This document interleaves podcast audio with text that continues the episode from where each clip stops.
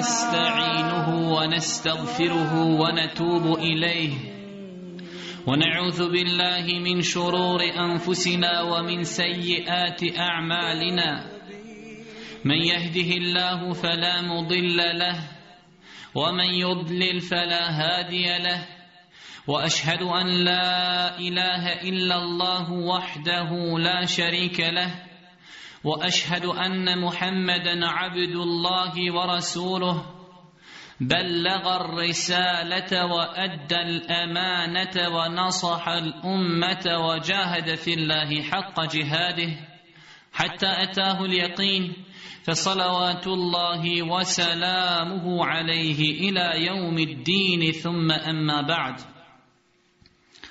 Zaista svaka zahvala pripada uzvišenom Allahu subhanehu wa ta'ala.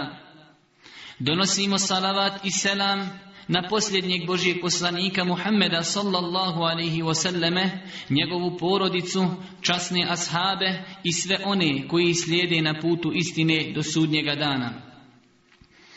Cijenjena braćo i poštovane sestre, večeras ćemo uz Allahovu subhanehu wa ta'ala pomoć progovoriti nekoliko riječi na najavljenu temu, a to je mjesto namaza u islamu. Mnogo je razloga koji su me ponukali da govorim o ovoj temi. Spomenut ćemo samo neke od njih.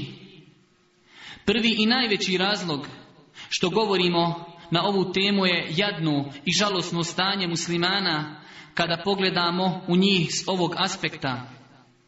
Koliko je ljudi koji se deklarišu kao muslimani, a zapostavili su ovaj veliki temelj Islama.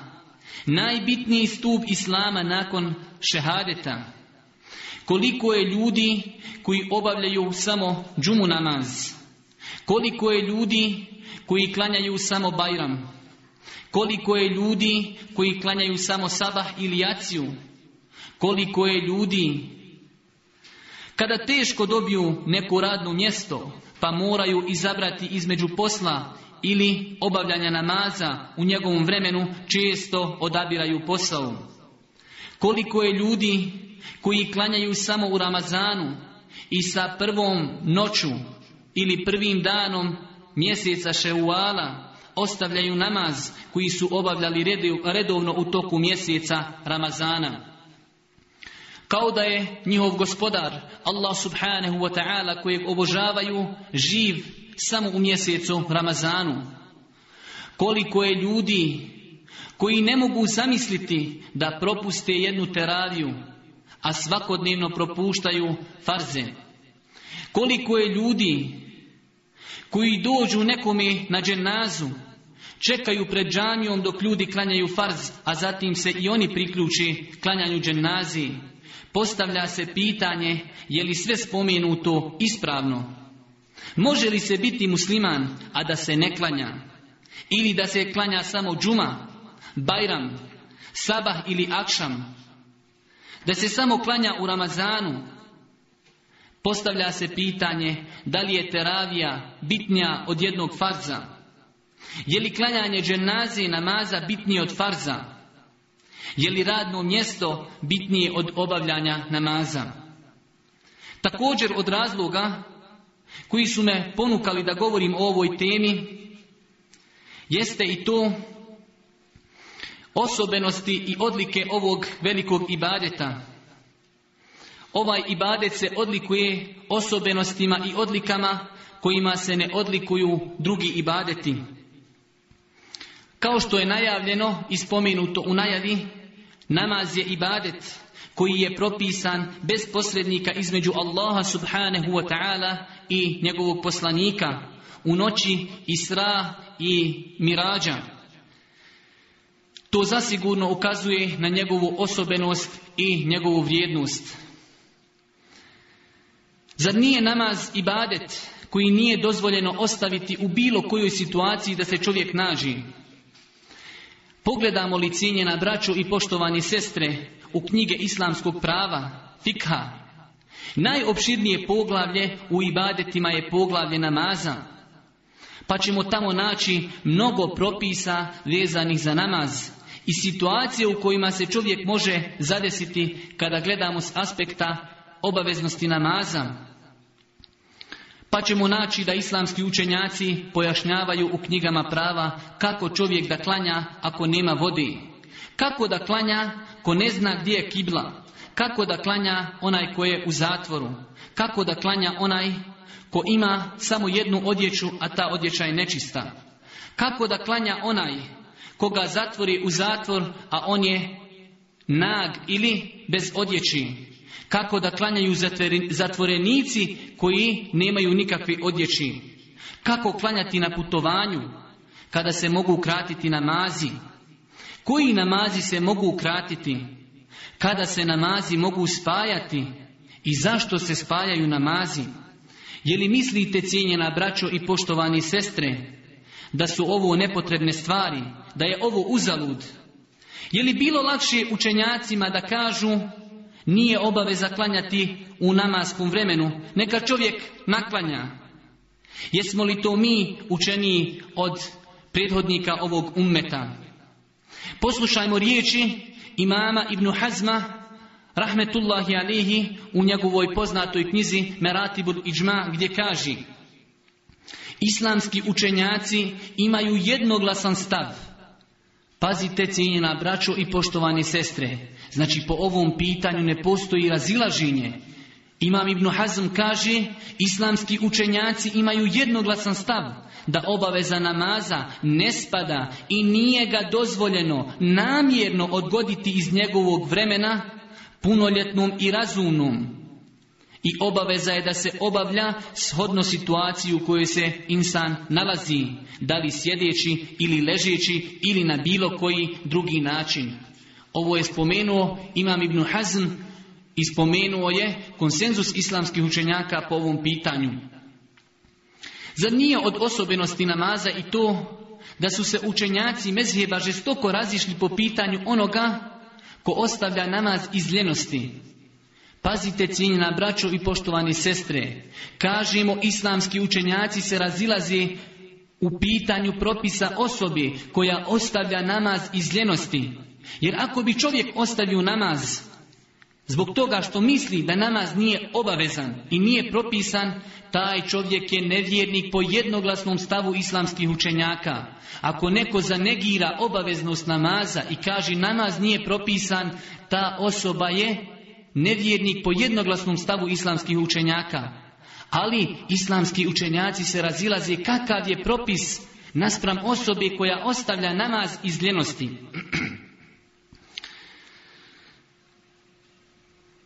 Po tom pitanju islamski učenjaci općenito imaju dva mišljenja. Ja ne želim ovdje da detaljno govorim o ovom pitanju, ali želio bi da spomenem neke stvari koje su veoma bitne da spomenemo ukratko šta su kazali učenjaci mezheba po ovom pitanju. Pa ćemo naći da su tri mezheba od četiri priznata mezheba, smatrali da se onaj ko ostavi namaz poziva na pokajanje ili teubu. A ako odbije i ne počne redovno klanjati, on se ubija. Po tri mezheba od četiri pravna mezheba čovjek koji ostavi namaz iz ljenosti, poziva se ka pokajanju. Ako odbije, on se ubija. Po nekima od ova tri mezheba on se ubija zato što je nevjernik, a po nekima se ubija zbog toga što je to kazna za njega. A četvrti mezheb, to je naš mezheb, hanefijski mezheb, oni su po ovom pitanju bili najmilostiviji. Ali da vidimo cijenjena braćo i poštovane sestre, kako se ogledala ta njihova milost. Oni kažu da je kazna za onog ko ostavlja namaz iz ljenosti, da se taj čovjek zatvara i tuče se toliko jako sve dok ga ne oblije krv. Pa, ili će početi klanjati i pokajati se ili ostaje u zatvoru dok ne umri. Zamislite, braćo moja draga i cijenjeni sestre, ovo je najblaži stav, a pogledajte kako je to žestoko. To je stav Hanefijske pravne škole koja je zastupljena, zastupljena na našim prostorima, pravnici Hanefijske pravne škole su zastupali to mišljenje da čovjek ako ostavlja namaz iz ljenosti, takva osoba se zatvara u zatvoru i će se tako jakim udarcima da ga krv oblije, pa ili će početi klanjati i pokajati se Allahu subhanahu wa ta'ala ili ostaje u zatvoru dok ne umri. Zamislite, braću moja draga, da se mi pridržajemo hanefijskog mezheba kako bi nam mnogo zatvora trebalo da zatvorimo one ljude koji ostavljaju namaz. Ja nemam namjeru ovom prilikom da ove prilike da iznosim argumente učenjaka po ovom pitanju niti da odabirim jedno od ovih mišljenja, ali želim cijenjena braćo i poštovani sestre da spomenim nekoliko argumenata koji ukazuju na opasnost ostavljanja namaza. U hadisu koji je zabilježio ima muslim, a ovaj hadis nema nikakve sumnje samim tim što ga je zabilježio ima muslim od Džabira radijallahu ta'ala anhu da je kazao čuo sam Božijeg poslanika sallallahu alihi wasallame da kaže Inne bejna rađuli, u bejne širki wal kufri, terku salah. Kaže Boži poslanik sallallahu alihi wasallame, zaista je između insana i širka, mnogoboštva i nevjerstva ostavljanje namaza. Pazite, braćo moja draga, ovo su riječi Allahovog poslanika, ovo nisu moje riječi. Boži poslanik sallallahu alihi wasallam nam kaže, zaista je između insana i mnogoboštva i nevjerstva ostavljanje namaza.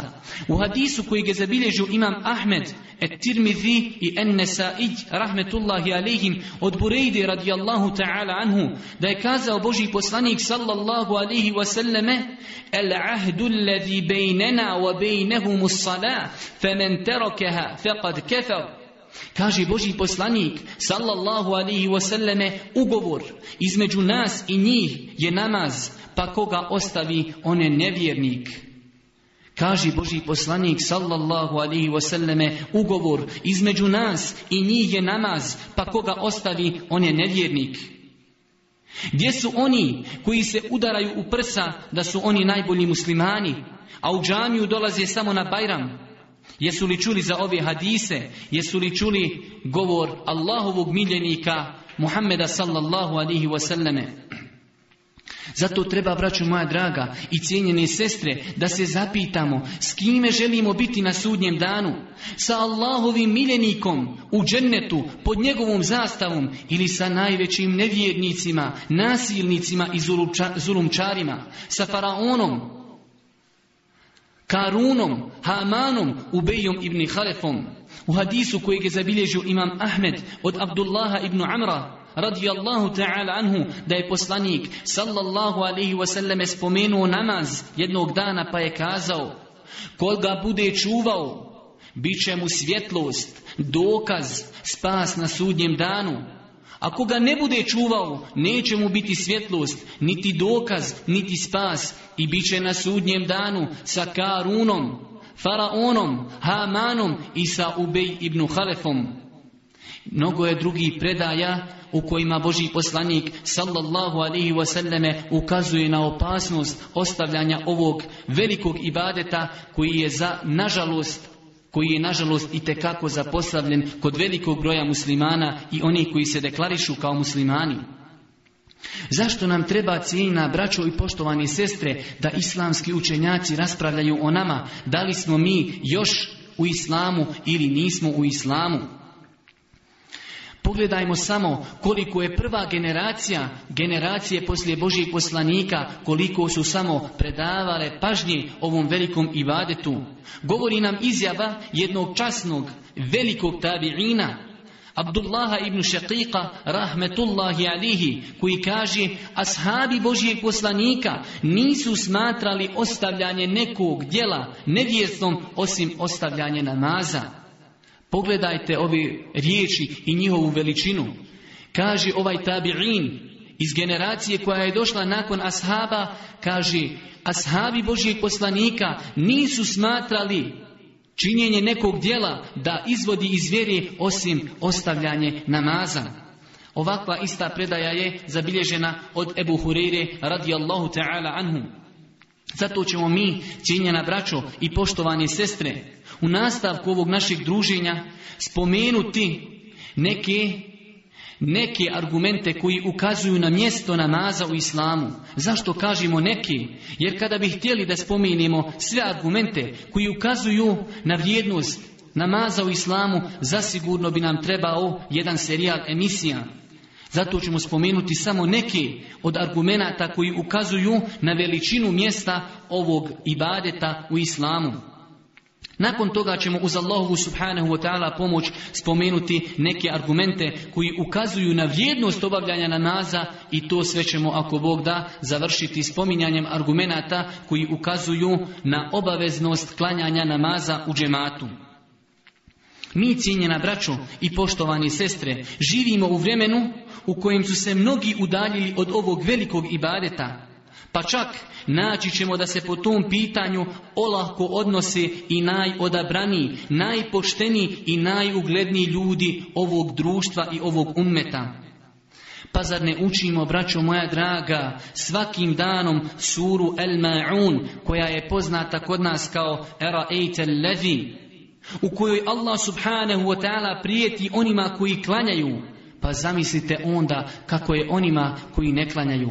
Poslušajmo riječi Allaha subhanahu wa ta'ala gdje kaže A'udhu billahi minash shaitanir rajim أرأيت الذي يكذب بالدين فذلك الذي يدع اليتيم ولا يحض على طعام المسكين فويل للمصلين الذين هم عن صلاتهم ساهون الذين هم يراءون ويمنعون الماعون Prijevod značenja ove sure bi bio Znaš, znaš li ti onoga koji onaj svijet poriči, pa to je onaj koji grubo odbija siroče i koji da se nahrani seroma ne postiči. Pa kaže Allah subhanahu wa ta'ala, pa teško klanjačima, pa teško klanjačima koji se koji su nemarni prema svome namazu, koji se samo pretvaraju i koji nikome ništa u naruč ne daju. Zamislite, braćo moja draga i cijenjene sestre, Allah subhanahu wa ta'ala prijeti u ovoj suri, koju mi često učimo, prijeti klanjačima, teško li se klanjačima koji su nemarni prema svom namazu, a kakva tek prijetnja očekuje oni koji ne obavljaju namaz. Mnogi komentatori i tumači Kur'ana, kada komentarišu ovaj ajet, kažu da su to oni koji odgađaju namaz iz njegovog namaskog vremena ili klanjaju kada su sa narodom, a kada su sami ostavljaju namaz. Pogledajte, braću moja draga, ljudi klanjaju, ali odgađaju namaz iz njegovog vremena. Ili klanjaju kada su sa narodom, a kada se osami ostavljaju namaz. Takvima Allah džele dželaluhu iznad sedam nebesa prijeti, pa kakva tek prijetnja očekuje oni koji ne klanjaju. Na važnost namaza i njegovo mjesto u islamu ukazuje to da Allah subhanahu wa ta'ala govori o munaficima da oni klanjaju. Ko, braću moja draga, licemjeri. Allah subhanahu wa ta'ala govori da licemjeri klanjaju i obavljaju namaz. A ko su licemjeri? Oni koji će biti u najdubljim dubinama vatri. Innel munafiqine fid darukil esveli minan nar. Zaista su licemjeri. Zaista će biti u najdubljim dubinama džehennema. A Allah Đelle jelaluhu opisuje licemjere da klanjaju. Kaže Allah subhanahu wa ta'ala. إن المنافقين يخادعون الله وهو خادعهم وإذا قاموا إلى الصلاة قاموا كسالى يراءون الناس ولا يذكرون الله إلا قليلاً Licemjeri misli da će Allaha prevariti, a Allah će njih nadmuditi Kada ustanu da molitvu obavljaju, ljeno se dižu i samo zato da bi se pokazali pred svijetom, a Allah, Allaha gotovo da i ne spomenu. Pogledajte, braćo, Allah Đelle Đelaluhu opisuje licemjere da oni klanjaju, da oni obavljaju namaz, ali obavljaju namaz sa ljenošću i obavljaju namaz kako bi i drugi vidjeli. Pa kako je tek on onda onima koji nikako namaz ne obavljaju. U komentaru ovog ajeta islamski mufesiri navode hadis kojeg je zabilježio ima muslim od Enesa radijallahu ta'ala anhu da je kazao Boži poslanik to je namaz licenjera to je namaz licenjera to je namaz licenjera Boži poslanik sallallahu alihi wasallame da bi privukao pažnju ashaba Ponovio je ovu riječ tri puta pa kaže to je namaz mjera.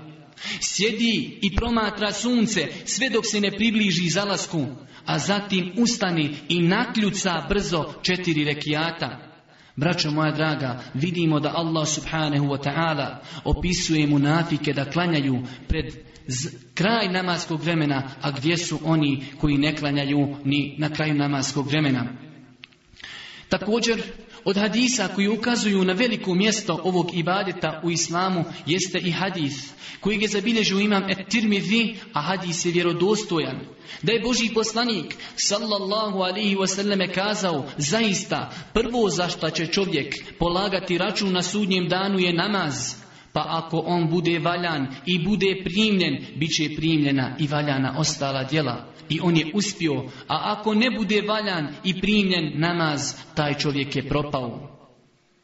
Braćo moja draga i cijenjeni sestre, ovaj hadis je velika prijetnja onima koji se poigravaju sa obavljanjem namaza jer čime čovjek da zasluži Allahu milost ako je ostavio najčvršći i najjači temelj ove vjeri? Kako tražiti Allahovo zadovoljstvo i oprost na sudnjem danu ako smo zapostavili ono što nam je Allah subhanahu wa ta'ala najstrožijom naredbom naredio dok još boravimo na Dunjalukom? Poslušajmo, braćo moja draga, sljedeći hadis Hadis koji kada čuje srce mu'mina ne može, a da ne zatreperi i da se u njemu pojavi želja za obavljanjem namaza. Jer, braću moja draga i cijenjeni sestre, namaz je ibadet koji ako čovjek ostavlja, time se izlaže velikim prijetnjama uzvišenog Allaha subhanahu wa ta'ala i njegovog poslanika. A ako ga obavlja, obećavaju mu se velike nagrade.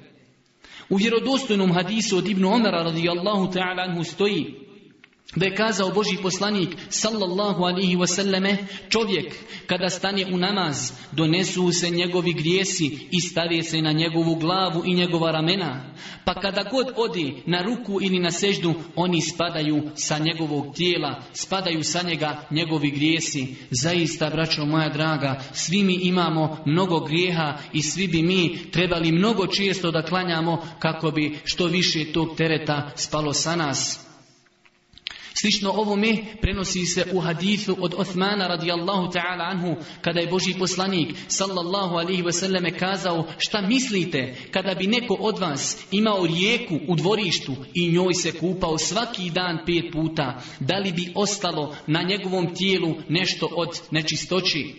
Pa su kazali ashabi ne bi ostalo o Allahu poslaniće pa je kazao Boži poslanik, također pet dnevnih namaza čiste grijehe, kao što voda čisti nečistoću. Pa zar nije, cijenjena braćo i poštovani sestre, dovoljno kada govorimo o namazu to što je to bila posljednja oporuka Allahovog poslanika sallallahu alaihi wasallam njegovom ummetu? Vi znate Braću moja draga i cijenjene sestre, čovjek kada je na samrti želi da oporuči onim ljudima oko sebe one najbitnije stvari jer zna da se u njegov odlazak sa Dunjaluka. Pogledajmo o čemu je govorio Boži poslanik sallallahu alihi wasallame kada su mu nastupile smrtne muke. U hadisu koji je zabilježio imam Ibn Mađe, a hadis je vjerodostojan. Od Enesa radijallahu ta'ala anhu, da je kazao zadnje što je oporučio Boži poslanik sallallahu alihi wasallame je to da je govorio namaz, namaz i bojte se Allaha za one koji su u vašim posjedima. Zadnje što je upozorio i zadnje što nam je ukazao Allahu poslanik sallallahu alihi wasallame su riječi namaz, namaz i bojte se Allaha za one koji su u vašim posjedima. Kada pogledamo u to kako su prve generacije doživljavale namaz i to kako ga mi doživljavamo, vidjet ćemo, braćo moja draga i cijenjene sestre, da postoji velika razlika. Poslanik, sallallahu alihi wasallame, kada bi nastupilo namasko vrijeme, govorio bi Bilalu radijallahu ta'ala anhu, erihna biha ja Bilal, odmori nas njime, o Bilalu. A mi, braćo moja draga, govorimo ljudima koji nas pozivaju u islam, odmori nas malo od govora o islamu. Odmori nas malo, pusti nas malo, nemoj nam neprestano govoriti o namazu. A ako se slučajno nekada i prevarimo i odemo u džamiju, onda svakako, braćo moja draga, da mi to vrijeme iskoristimo u namazu, da isplaniramo naš program, životni program u narednoj sedmici ili u narednom mjesecu. Znači, prepustimo se šeitanu, uopšte ne razmišljamo o namazu. Mi kada odemo u džamiju, toliko smo koncentrisani u namazu da na kraju džamije vidimo ko miče prstom na tešehudu, a prve generacije Znalo je se desiti kod njih da čovjek klanja pokraj zida, pa bi se srušio zid, a on ne bi ni osjetio da se taj zid pokraj njega srušio. Na neke od njih su ptice slijetale, misleći da su to kipovi, toliko su oni bili udubljeni u namaz. A braćo moja draga, mi, kao što sam spomenuo, koristimo to vrijeme u namazu da isplaniramo naše prijestojeće aktivnosti, pa čak toliko smo udubljeni u namaz da vidimo na kraju džamije kako neko miče prstom na tešehudu. Allah subhanahu wa ta'ala na više mjesta u Kur'anu hvali one koji redovno namaz obavljaju. Zamislite, braću moja draga, Allah dželle Đelaluhu, stvoritelj zemlje i nebesa, hvali određenu skupinu ljudi kako bi svako od nas trebao da pokuša da se okiti tim svojstvima, da potpadne pod ona svojstva koja je spomenuo Allah subhanahu wa ta'ala. Također, Allah subhanahu wa ta'ala kritikuje neke grupe ljudi pa do te mjeri da Allah subhanahu wa ta'ala navodi da je razlog patnje kjafira na ahiretu to što nisu namaz obavljali, a hvali određene skupine ljudi, a to su oni koji namaz obavljaju. Kaže Allah subhanahu wa ta'ala na početku sure El Mu'minun, Qad efleha El mu'minun, allazine hum fi salatihim haši'un. ono što žele vjernici će postići oni koji molitvu svoju ponizno, skrušeno obavljaju. Nakon što Allah Đelešanu spominje nekoliko svojstava vjernika, nakon što je spomenuo da vjernici su ti koji svoju molitvu skrušeno obavljaju, tek nakon toga Allah subhanahu wa ta'ala kaže وَلَّذِينَهُمْ عَلَى صَلَوَاتِهِمْ يُحَافِظُونَ I oni koji molitu svoju na vrijeme obavljaju. Također Allah subhanahu wa ta'ala hvali one koji nisu dozvolili ovo dunjalučkim obavezama da ih spriječi od obavljanja namaza. Pa kaže Allah subhanahu wa ta'ala أعوذ بالله من الشيطان الرجيم رجال لا تلهيهم تجارة ولا بيع عن ذكر الله وإقام الصلاة وإقام الصلاة وإيتاء الزكاة يخافون يوما يخافون يوما تتقلب فيه القلوب والأبصار Prijevod značenja ovog kuranskog ajeta bi bio Ljudi, koje kupovina i prodaja ne ometaju da Allaha spominju i koji molitvu obavljaju i milostinju udjeljuju i koji strepe od dana u kojem će srca i pogled biti uznemireni. Pogledajte, braću moja draga, kako Allah na početku hvali pa kaže ljudi koje kupovina i prodaja ne ometaju da Allaha spominju i koji molitvu obavljaju i milostinju udjeljuju. Sufjan, rahmetullahi alihi, je kazao, komentarišući ovaj ajet, to su oni kupci i prodavači koji nije ometala njihova kupoprodaja da namaz obavljaju. Koliko puta se desi, braćo moja draga, da čovjek musliman pozove svoga komšiju da obavi namaz, da kažemo u ljetnom periodu, pa mu on kaže, mi sada nemamo vremena, mi smo zauzeti, mi ćemo ako Bog da klanjati zimus, ali kada dođe zima, on ne okreće novu stranicu u svome životu, već nastavlja biti pokorni šeitanov rob. Gdje smo mi, braćo moja draga, od ovih ajeta? Koliko mi kada želimo da postignemo neki ovo dunjalučki cilj, koliko se potrudimo, koliko truda uložimo. Pogledajte samo primjera radi čovjek kada želi da putuje negdje na putovanje, po cijelu noć ne može spavati. Jedan ili dva sata pripremi kako ne bi prespavao. A braćo moja draga, kada je u pitanju namaz, dosta puta ljudi ne bude se na, na namaz ili velik broj njih kaže klanjaću kada se probudim. Ovo je nekoliko hadisa koji ukazuju na vrijednost ovog velikog ibadeta. U nastavku našeg druženja, na braćo i poštovane sestre, spomenut ćemo neke argumente koji ukazuju na vrijednost obavljanja namaza i obaveznost obavljanja namaza u džematu. Također, prije nego što počnemo spominjati ove argumente, treba da spomenemo, braćo moja draga i cijenjene sestre, da na ovu temu vrijednost obavljanja namaza i obaveznost namaza u džematu, na tu temu su izrečeni mnogi hadisi od strane Božijeg poslanika sallallahu alihi wasallame i zasigurno bi nam trebalo mnogo vremena kada bismo htjeli spomenuti sve te argumente, zato ćemo spomenuti neke od njih za koje smatramo da su najbitniji. U hadisu kojeg je zabilježio imam El Bukhari, rahmetullahi alihi od Ebu Sa'ida El Hudrija, Allahu ta'ala anhu, da je Boži poslanik, sallallahu alihi wasallam kazao, namaz u džematu je bolji od namaza pojedinca za 27 stepeni ili deređa. Namaz u džematu je bolji od namaza pojedinca za 27 deređa ili stepeni. U hadisu kojeg je zabilježio imam muslim od osmana radijallahu ta'ala anhu da je kazao Čuo sam Božijeg poslanika sallallahu alihi wasallame da kaže Ko klanja jaciju u džematu kao da je klanjao pola noći A ko klanja sabah u džematu kao da je klanjao cijelu noć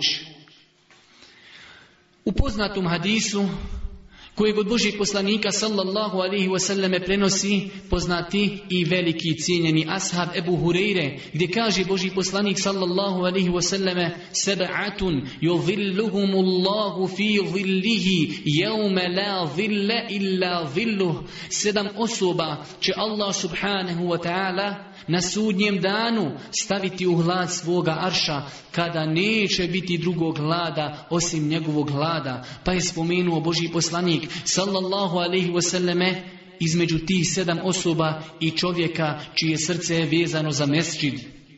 Kaže Imam Enneovi rahmetullahi alihi komentarišući i pojašnjavajući ovaj hadis Značenje ovih riječi čovjek čije srce je vezano za mesčid da mnogo voli džamiju i čuva namaz obavljen u džematu, a to, kaže Imam Rahmetullahi Alihi, uopšte ne znači dugo sjedenje u mesčidu.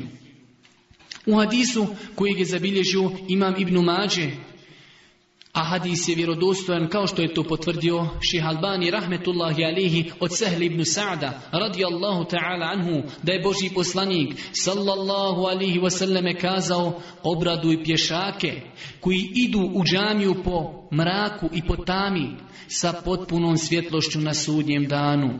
Cijenjeni brate i poštovana sestro, ako želiš da imaš potpunu svjetlost na sudnjem danu, da se tvoje noge ne zapetljavaju i ne spotakinju, onda obavljaj namaz, klanjaj redovno namaz i obavljaj namaz u džematu. U hadisu koji je zabilježio imam et a hadis je vjerodostojan kao što je to potvrdio veliki hadijski ekspert imam Al-Haythami rahmetullahi alayhi od Selmana radijallahu ta'ala anhu da je Boži poslanik sallallahu wa sallam, kazao ko abdesti u svojoj kući lijepim i potpunim abdestom a zatim ode u džamiju on je Allahov gost a gost ima pravo da bude počašćen. Braćo moja draga, braćo moja draga, da li smo se ikada zapitali i ikada razmišljali o veličini ovog hadisa? Da li smo ikada razmišljali o veličini Allahove blagodati to što nam je dozvolio da možemo biti njegovi gosti? Kaži Boži poslanik, ko abdesti u svojoj kući, lijepim i potpunim abdestom, a zatim ode u džamiju, on je Allahov gost, a gost ima pravo da bude počašćen. Allahu akbar, Allahu akbar kako je velika razlika između Allahovih gostiju, oni koji odlaze u džamiju i oni koji su šeitanovi gosti, oni koji odlaze u kafane, oni koji odlaze u diskoteke, kako je velika razlika između tih gostiju, gostiju milostivog i gostiju šeitanovi. U hadisu kojeg od Božih poslanika sallallahu alaihi wasallame Prenosi Ebu Hureyre, a hadis je zabilježio imam Ibn Huzeyme sa vjerodostojnim lancem prenosilaca da je Boži poslanik sallallahu alihi wasallam, kazao ko uzme abdest na potpun način. Zatim ode u džamiju ne želijeći time ništa drugo osim namaz. Njemu se Allah dželle obraduje kao što se obraduje porodica putnika kada dođe sa putovanja. Cijenjeni brate, Poštovana sestro, zar nisi počašćen da možeš uraditi djelo, pa da se Allah dželle še'nuhu na iznan sedam nebesa obraduje tebi, kao što se obraduje porodica njihovom putniku kada se vrati iz putovanja, kaže Boži poslanik, sallallahu alaihi wasallam ko uzme abdest na potpun način, zatim ode u džanju, ne želijeći time ništa osim namaz, njemu se Allah obraduje, kao što se obraduje porodica putnika kada se njihov putnik vrati iz putovanja. Braćo moja draga, mnogo je hadisa koji govori na ovu temu koji govori o vrijednosti obavljanja namaza, mnogo je hadisa koji govori o vrijednosti iščekivanja namaza, mnogo je hadisa koji govori o vrijednosti prvih safova, o vrijednosti desne strane safova, o izgovaranju riječi amin i mnogo drugih stvari, a kazali smo da zbog skučenosti s vremenom ne možemo spomenuti sve te stvari. Na kraju ovog našeg druženja spomenut ćemo neke argumente koji ukazuju nedvosmisleno na obaveznost obavljanja namaza u džematu. Kaže Allah subhanahu wa ta'ala u suri An-Nisa u 102. ajetu Iza kunte fihim fe eqamte lehumu salate to taifetum minhum ma'ak Allah subhanahu wa ta'ala naređuje Božijim poslaniku i njegovim ashabima kada budu u ratu da obavljaju namaz u džematu. Za vrijeme borbe i vrijeme bitke i vrijeme džihada Naređeno je i propisano je obavljanje namaza u džematu. Rekao je poznati islamski učenjak Ibn El Munzir rahmetullahi alihi kada nam je Allah subhanahu wa ta'ala naredio da namaz obavljamo u džematu u vrijeme i u stanju straha to upućuje da je obavljanje namaza u džematu kada čovjek nije u ratu niti u strahu da je to stroga obaveza. Također od stvari i argumenata koji ukazuju na to da je obavezno obavljanje namaza u džematu jeste hadis koji je zabilježio imam Buhari rahmetullahi alihi od Malik ibn Huwairitha, da je Boži poslanik sallallahu alihi wasallam, kazao njemu i njegovom prijatelju da kada budu na, na putovanju pa kaže Boži poslanik, kada nastupi namaz, neka vam jedan od vas prouči ezan i neka vas predvodi najstariji među vama. Pogledajte, braćo moja draga, Boži poslanik naređuje da se klanja namaz u džematu kada su ljudi na putu. Kada su ljudi na putovanju i ako je samo dvojica ljudi, pa zamislite kako je onda veća obaveza ako postoji veća grupa ljudi. Možda će neko kazati, to sve što je spomenuto, još nam ne ukazuje jasno na obaveznost obavljanja namaza u džematu. Možda se može i privatiti taj odgovor, ali poslušajte, braćo moja draga i cijenjene sestre, sljedeći hadis. Hadis koji nedvosmisleno ukazuje na obaveznost obavljanja namaza u džematu. U hadisu kojeg je zabilježio imam muslim od Ebu Hureyre radijallahu ta'ala anhu stoji da je došao poslaniku sallallahu alaihi wasallam slijepac i kazao O Boži poslaniče, ja nemam vodiča da me vodi u džanju. Pazite braćo, slijepac dolazi Božijem poslaniku pa kaže O Boži poslaniče, ja nemam vodiča da me vodi u džanju. Pa možeš li mi olakšati da ne dolazim u džamiju, ću kod kući, ali da ne dolazim u džemat.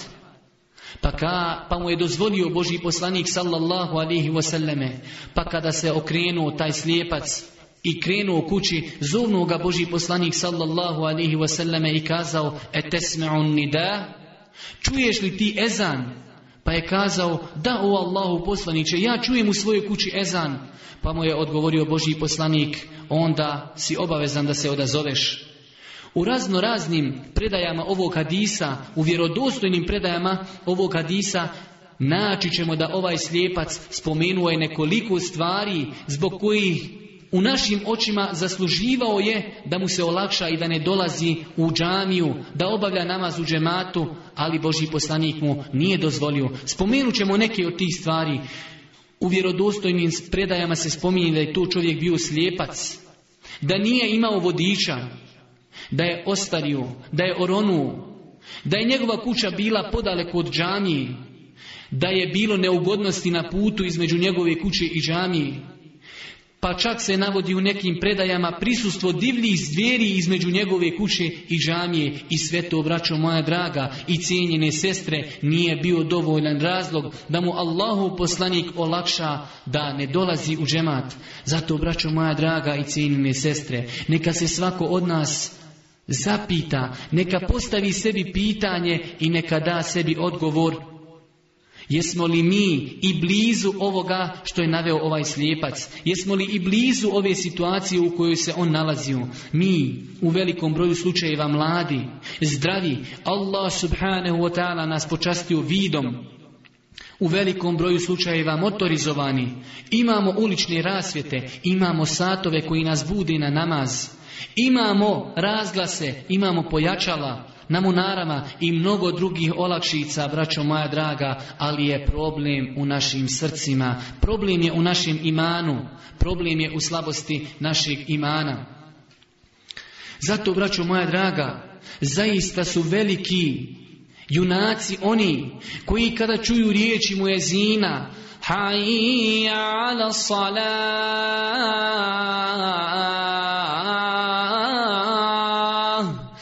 dođite na namaz, dođite na spas, zaista su veliki junaci oni koji se ne odazovu pozivu pozivu Muezina, zaista su to veliki junaci, zaista su veliki junaci kada smiju prkositi Allahovim naredbama. Jer, braćo moja draga, mnogo je hadisa, kao što smo govorili, koji ukazuju na obaveznost toga. Zato svako od nas Treba da i preispita svoje srce. Neka vidi kakav odgovor je pripremio Allahu subhanahu wa ta'ala na sljedeći hadis. Svako od nas treba da pripremi od danas odgovor Allahu subhanahu wa ta'ala za sljedeći hadis. Hadis koji je zabilježio imam Buhari od Ebu Hureyri Allahu ta'ala anhu gdje je kazao Boži poslanik najteži namaz licemjerima i munaficima je sabah i jacija i da znaju kolika je nagrada za njih dolazili bi pa makar puzajući. Braćo moja draga, Braćo moja draga, Boži poslanik kaže da su najteži namazi licemjerima i munaficima, onima koji će biti u najdonjim slojevima džehennema, jacija i saba. Neka svako od nas postavi sebi pitanje gdje je on na jaciji i gdje je on na sabahu. U jednoj od predaja ovog hadisa stoji, kao što je zabilježio imam Ebu Davud, da je Boži poslanik sallallahu alaihi wasallam jednog dana klanjao sabah, pa se okrenuo i pitao, ima li tog i tog? Pa su kazali, nema. Ima li tog i tog? Pa su kazali, nema. Pa je onda kazao Boži poslanik sallallahu alaihi wasallam, najteži namaz licemjerima je sabah i jacija i da znaju kolika je nagrada za njih dolazili bi pa makar puzajući. Zato kaže Ibn Umar radijallahu ta'ala anhu mi kada bi izgubili nekog čovjeka na jaciji i sabahu mi bi počeli loše misliti o tom čovjeku. Allahu ekber ashabi su loše mislili o ljudima koji nisu dolazili na jaciju i na sabah, znači tek su počeli da to ostavljaju, a kako mi, kakva je naša situacija kada naši ljudi ne obavljaju sabah i jaciju ni kod kuće, a kamoli da ne govorimo o njihovom dolasku u džematu. Ibn Mes'ud radijallahu ta'ala anhu kaže, ja se sjećam da nisu njima prisustvovali jaci i sabahu samo oni čiji nifak i licemjerstvo licemjerstvo je bilo opće poznato svima. Naši selefi prve generacije, generacije koji su došli nakon Božih poslanika, sallallahu alihi wasallame, veoma dobro su shvatale vrijednost ovog ibadeta. Kaže Abdullah ibn Umar radijallahu ta'ala anhu, kada bi propustio namaz u džematu, zbog tog propuštenog namaza u džematu kaznio bi sebe na sljedeći način. Postio bi jedan dan zbog toga, cijelu noć bi jednu proveo u namazu i oslobodio bi jednog groba. Pogledajte, braću moja draga, koliku pažnju su oni posvećivali ovom ibadetu. Kaže, kada bi propustio samo jedan namaz u džematu, on bi zbog tog namaza klanjao cijelu noć, postio bi jedan dan i oslobodio bi jednog groba. Sabit ibn Amr, radi Allahu ta'ala anhu je molio Allaha subhanahu wa ta'ala da ga usmrti lijepom smrću. Pogledajte, braćo moja draga, ove primjere. Pogledajte ove primjere i pokušajte napraviti komparaciju između nas i ovih primjera. Pa kada su mu nastupile smrtne muke, začuje glas zina gdje kaže hajja ala salat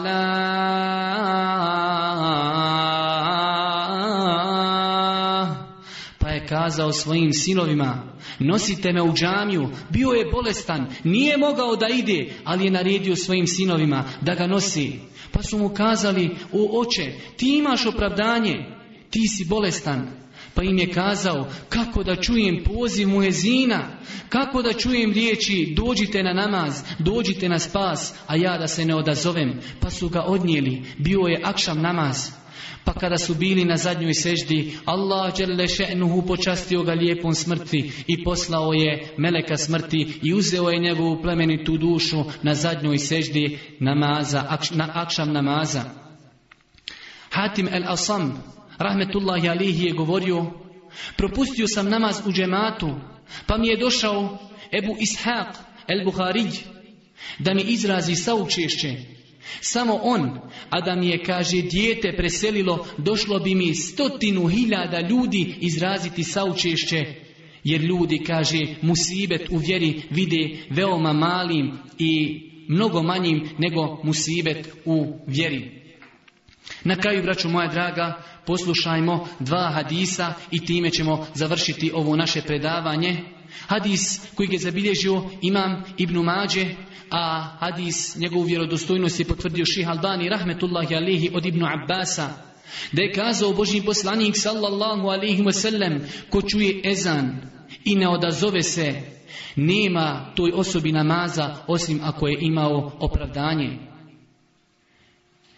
I hadis kojim ćemo završiti ovo naše druženje, koji je zabilježio imam Buharija i Muslim, da je Boži poslanik sallallahu alihi wasallam kazao, tako mi onoga, u čioj ruci je moja duša, ja sam razmišljao da naredim, da se skupe drva i da se prouči ezan, zatim da ostavim jednog čovjeka da klanja ljudima, a zatim da odem do onih koji ne dolaze u džemat, pa da im popalim kuće, da popalim njihove kuće na njih, i tako mi Allaha, kaže Boži poslanik, i tako mi Allaha, kada bi oni znali da će tamo naći kost na kojoj ima malo mesa, oni bi se odazvali jaci i namazu. Molimo Allaha subhanahu wa ta'ala da nas učvrsti u ovim teškim vremenima. Molimo ga subhanahu wa ta'ala da nam istinu pokaži istinom i da nam olakša njeno sliđenje. Molimo ga subhanahu wa ta'ala da nam neistinu i laž prikaže neistinom i da nam omrzni njeno slijeđenje. Molimo ga subhanahu wa ta'ala da nam bude milosti na sudnjem danu. Molimo ga subhanahu wa ta'ala da budemo mi od onih kojima će on biti zadovoljan. Molimo ga subhanahu wa ta'ala da nas spoji u džennetu. Amin. Ja rabbel alamin. Subhaneke Allahumma ve bihamdike. Ešhedu an la ilaha illa ente. Wa atubu